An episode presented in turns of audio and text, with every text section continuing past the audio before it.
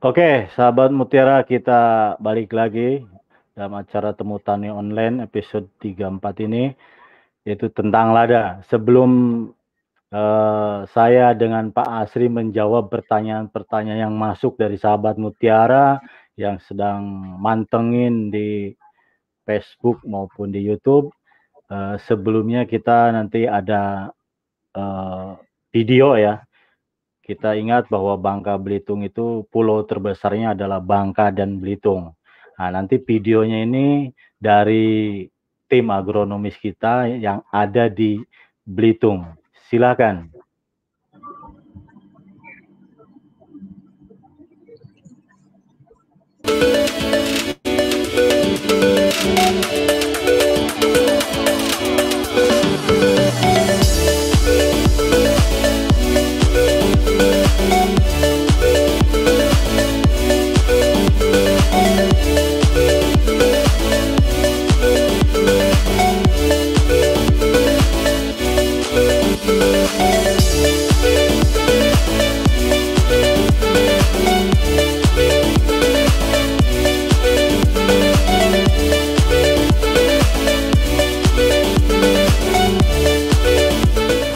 Assalamualaikum sahabat Mutiara, perkenalkan saya Firdaus, agronomis wilayah Bangka Belitung. Saat ini sedang saya sedang bersama dengan Bapak Ramdhani, salah satu petani lada dari tahun 2000. Apa kabar Pak? Baik. Sudah lama Pak menjadi petani lada? Apakah dari awal sudah bertanam lada Pak? Memang sejak dari awal saya sudah bertanam lada sejak eh, dari tahun 2000-an. Tahun 2000 Pak ya? Sudah ya. 20 tahun jadinya Pak ya? Iya. Kenapa hingga saat ini menjadi petani lada, Pak?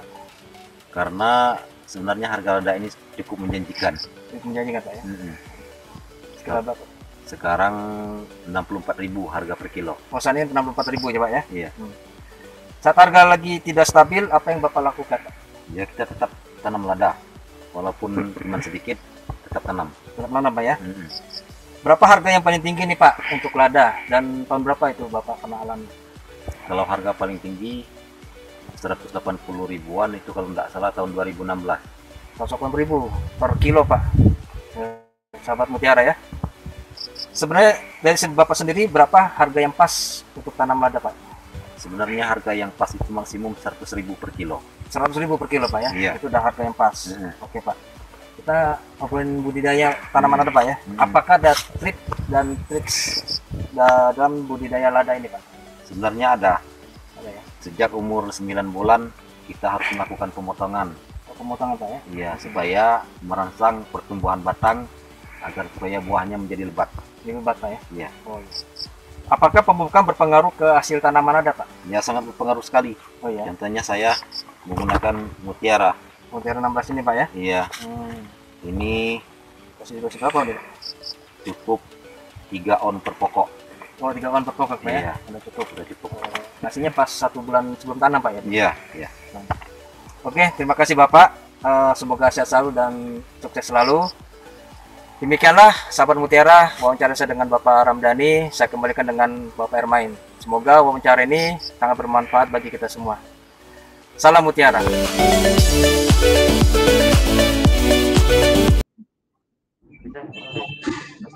Oke, terima kasih uh, Mas Firdaus yang ada di Belitung ya. Oke, salam sehat. Oke, kita kembali. Mungkin ada sudah ada pertanyaan yang masuk ya. Kita lihat kalau sambil nunggu ini Pak Asri. Oh, sudah ada nih dari Juhardi Dadi Facebook ya. Mau tanya varietas lada yang bagus berapa produksinya uh, kilogram per tahunnya? Silakan Pak Sri. Oke, terima kasih. Ini Pak Zuhardi Dedi ya. Ini untuk varietas lada yang bagus ya, itu tergantung daerah masing-masing Pak ya, tergantung daerah masing-masing. Itu misalnya kalau di Bangka Belitung itu varietas yang kita uh, ambil itu adalah petaling satu ya. Petaling satu itu adalah Lampung daun lebar ya Lampung daun lebar itu produktivitas per eh, batangnya itu sekitar 2 kilo ya, 2 kilo, 2,88 kilo ya. Jadi kalau kita kisaran kalikan satu hektar ya produksinya uh, kisaran tiga sekitar uh, 5 sampai 6 ton.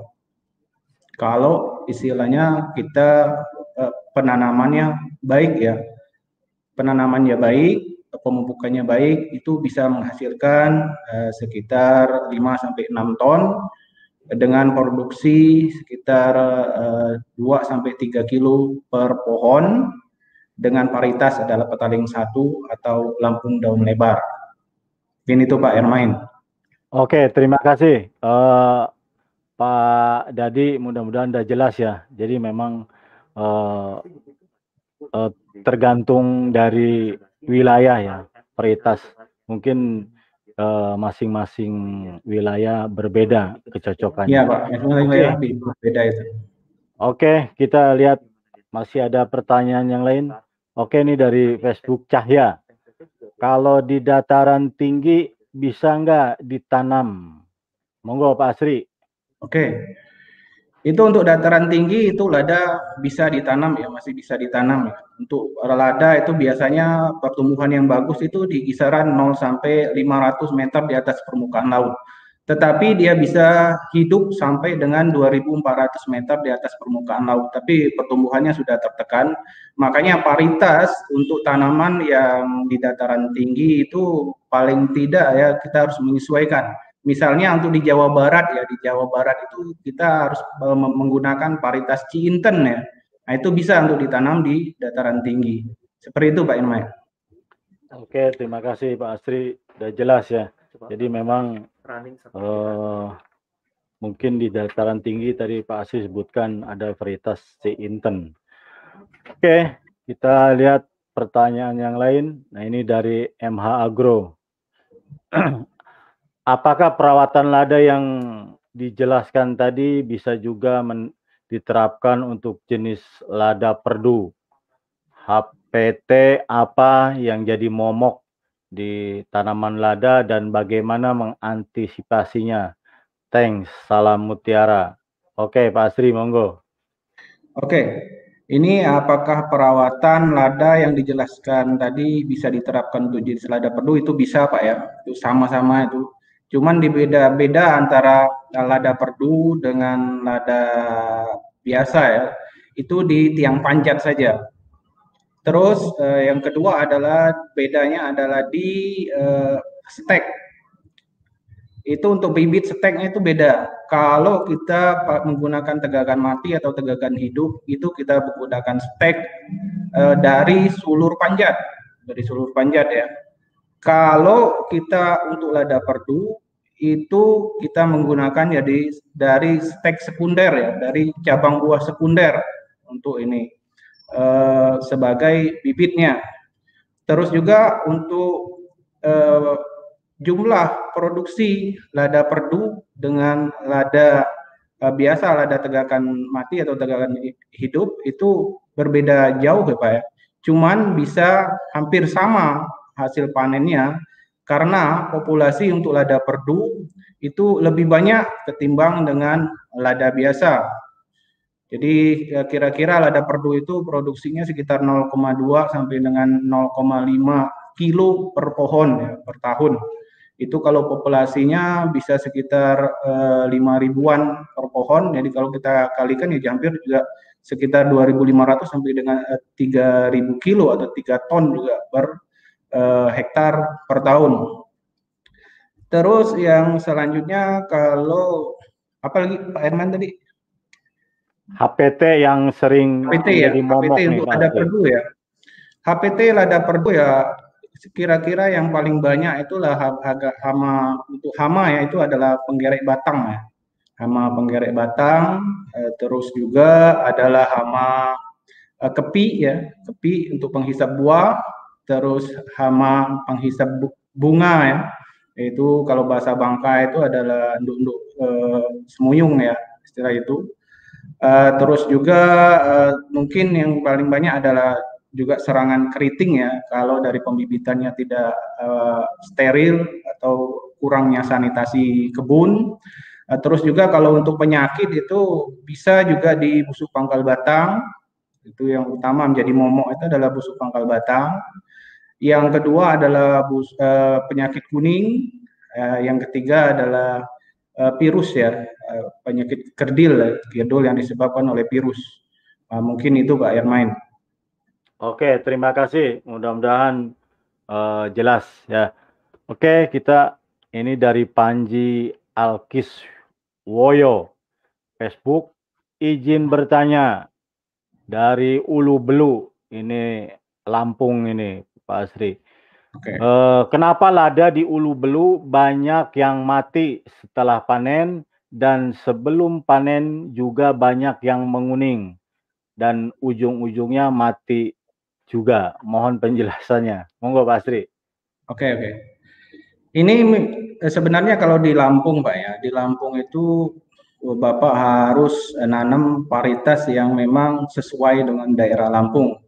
Yang paling bagus di Lampung adalah ditanam adalah paritas Natar satu atau paritas belantung ya. Paritas belantung itu dia agak peka, agak peka terhadap busuk pangkal batang eh, dan juga penyakit kuning itu seperti yang Bapak uh, perlihatkan itu ya kalau nggak salah itu kalau langsung mati mendadak itu biasanya terserang dari uh, busuk pangkal batang ya disebabkan oleh jamur Phytophthora capsicum ya.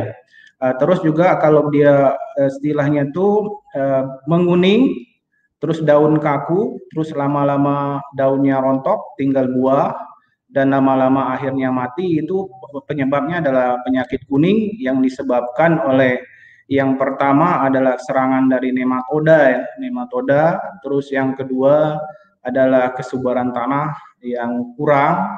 Terus yang ketiga adalah eh, serangan dari jamur fusarium ya.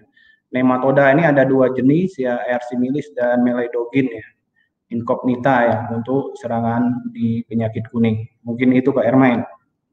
Oke, terima kasih ya. Mudah-mudahan jelas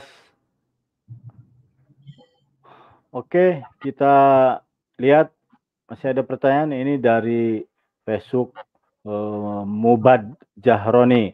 Izin bertanya, Master, dari Ulu Belu, kenapa buah lada uh, tidak terisi penuh atau ompong? Pupuk apa yang harus diberikan? Silakan Pak Sri. Oke, terima kasih Pak Ermain. Jadi begini Pak ya, untuk uh, deskripsi paritas masing-masing ya, ibarat ya, kata kita ambil umpama adalah paritas petaling satu ya.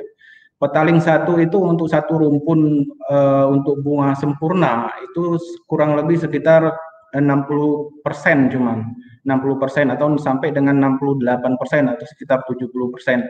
Sisanya adalah buah nggak sempurna. Jadi untuk rompol yang sempurna agak kurang sisi ini ya. Terus kedua adalah eh, kesuburan tanah yang kurang atau pemupukan yang tidak tepat.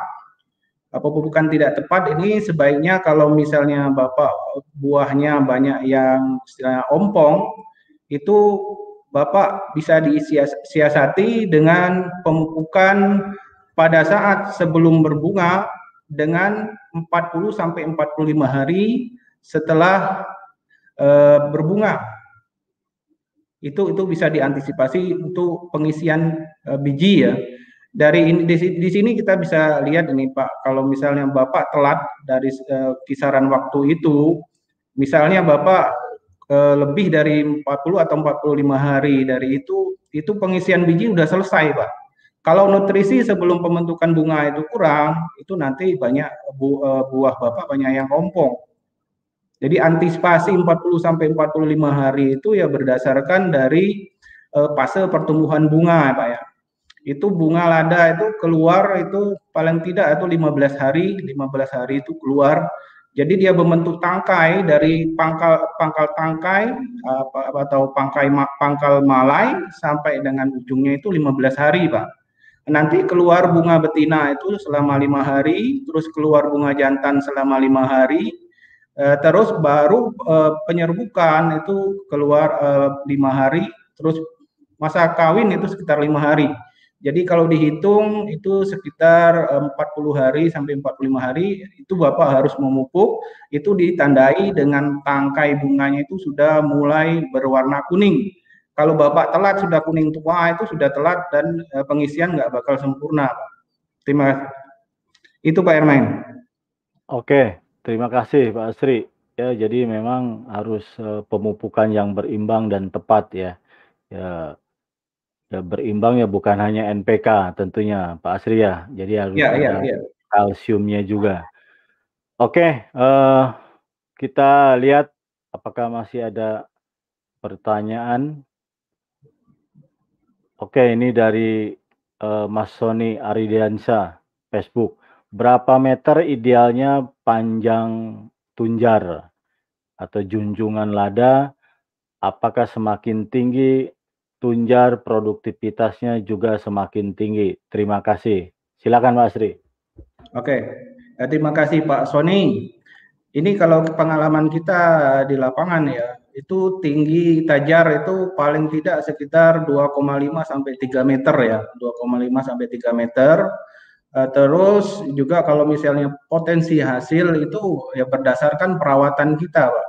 Ya semakin terbentuk ya kayak kita ibaratkan uh, pohon nabda dengan kanopi itu ibarat tabung, Pak ya.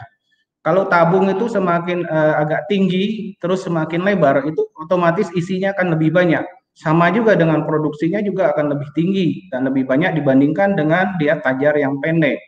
Jadi pola pemupuk, uh, pola pemangkasan supaya bisa berpro, uh, supaya uh, tanaman bisa membuat kanopi baik dan terus uh, mengeluarkan uh, dahan untuk buah itu banyak itu ya harus uh, uh, digunakan uh, pemupukan yang baik kalau misalnya mau berproduksi tinggi. Tapi kalau secara ini idealnya tinggi tajar juga akan mempengaruhi hasil yang minimal lebih tinggi dari tajar yang rendah. Itu saja Pak Irmain. Oke, uh, mudah-mudahan udah jelas ya uh, Mas Sony. Oke, uh, pertanyaan berikutnya dari Facebook Her Suherman. Salam Mutiara, numpang tanya, kalau untuk per tahun pemupukan berapa kali? Silakan Pak Sri. Idealnya untuk pemupukan ya untuk lada itu idealnya adalah empat kali Pak dalam satu tahun. Kalau misalnya untuk pertumbuhan uh, vegetatif atau tanaman belum menghasilkan itu agihannya sekitar tiga bulan satu kali dalam satu tahun. Jadi empat empat kali per tiga bulan satu kali. Sama juga dengan yang sudah menghasilkan juga kita mengadakan pemupukan empat uh, kali dalam setahun dengan agihan ya ya seperti pertama adalah awal uh, pada saat bisa juga awal musim penghujan atau 80% setelah panen, uh, terus juga sebelum pembentukan bunga, terus uh, pembentukan bunga itu pembes, uh, pengisian buah, terus juga untuk pe, pembesaran buah untuk terakhir. Jadi kisaran itu sekitar empat kali uh, dalam setahun uh, dengan periode sekitar kurang lebih ya tiga bulan sekali lah. Tapi kalau untuk lada yang sudah menghasilkan itu periode 40 sampai 45 hari sekali dengan pemupukan terakhir tuh uh, dengan pemupukan ketiga 2 sampai tiga bulan lah. Ya rata-rata empat kali Pak Hermain. Oke, terima kasih Pak Asri. Ya. Oke, mungkin ada pertanyaan. Oke, ini dari Dede Saipudin, tajar hidup atau tajar semen cor bagus mana produksinya? Silakan Pak Asri, antara junjungan yang uh, hidup dengan junjungan mati. Oke Pak. Ini tajar hidup dengan tajar semen cor ya. Kalau tingginya sama, posisinya ya hasil panen juga hampir sama. Cuman beda pada kadar melekat uh, akar tanaman pada tajar semen cor itu agak susah.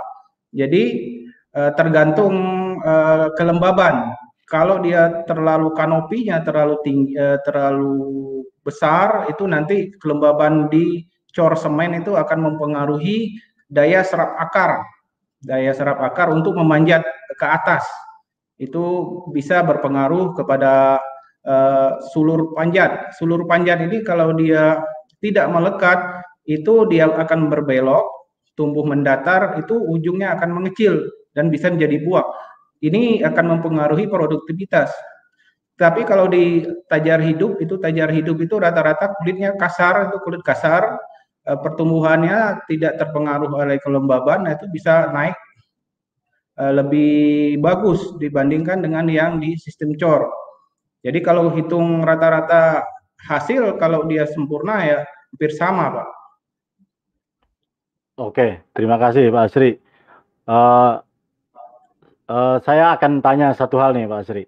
Oke Pak Irman. Untuk lada kan uh, itu tanaman yang bisa disimpan lama ya ini ya, yeah, apa yeah. hasil panennya. Kira-kira untuk penyimpanan yang paling bagus nih Pak Asri bisa bertahan lama itu kadar airnya kira-kira harus berapa dan maksimal penyimpanan itu uh, berapa bulan atau berapa tahun? Monggo. Oke. Okay. Ini kalau untuk penyimpanan Pak ya, kalau penyimpanan itu yang paling bagus itu pertama itu panennya harus tua Pak. Jadi panen harus tua itu paling tidak umur 9 bulan. Itu ditandai dengan buahnya berwarna merah uh, sekitar 3 4 atau sampai dengan uh, ujung tangkai. Itu kalau panen umur 9 bulan itu posisi nanti uh, posisi susut nanti akan berkurang kadar air yang baik untuk penyimpanan itu semakin lama itu bagusnya semakin kering itu bisa di bawah 11 persen bisa 11 persen itu sangat bagus untuk 11 per, eh, penyimpanan itu eh, kira-kira eh, yang paling lama itu bisa sekitar 15 tahun tapi 15 tahun itu nanti semakin lama itu kadar minyak atsirinya akan berkurang Pak seperti itu. Okay. Juga ada kadar-kadar okay. susut Pak ya. Jadi ada kadar susut sama kurang berkurangnya minyak atsiri gitu. Kalau yang bertahan yang bagus itu ya di bawah 11% ya. Kalau dari standar nasional untuk ekspor itu ya sekitar 14 sampai 15% kadar air. Tapi kalau untuk penyimpanan lama ya harus di bawah 11%. Gitu Pak. Oke, okay, terima kasih Pak Asri. Uh, mungkin itu pertanyaan uh, terakhir dari saya ya. Jadi memang uh, waktu jua yang memisahkan kita. Uh, sebelum saya closing temu tani online ini, saya akan uh, sedikit merangkumkan ya.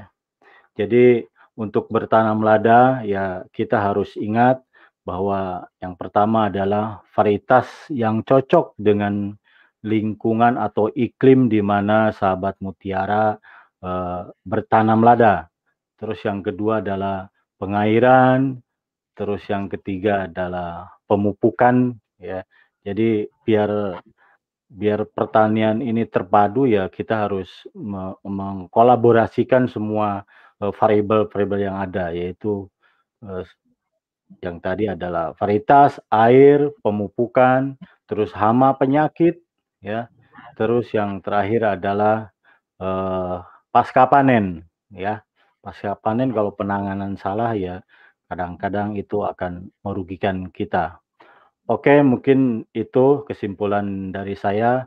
Terima kasih Pak Asri uh, telah berbagi ya, ilmunya kepada kita semua, sahabat Mutiara. Sahabat Mutiara, jika temu tani online episode ini dirasa bermanfaat, silakan bagikan video ini sebanyak-banyaknya di media sosial Anda supaya menjadi motivasi kami ke depan untuk memproduksi lebih banyak lagi video-video edukasi lainnya. Ikuti terus kami di media sosial, ayo follow Merauke Tetap Jaya di Instagram, like Facebook Merauke Tetap Jaya, dan bagi Anda yang nonton di YouTube, jangan lupa like video ini dan subscribe channel NPK Mutiara TV. Dan jangan lupa pentung tanda loncengnya agar sahabat Mutiara tidak ketinggalan video-video edukasi kami lainnya. Stay healthy, jaga jarak, tunggu di episode Temu Tani Online berikutnya. Wassalamualaikum warahmatullahi wabarakatuh. Salam Mutiara.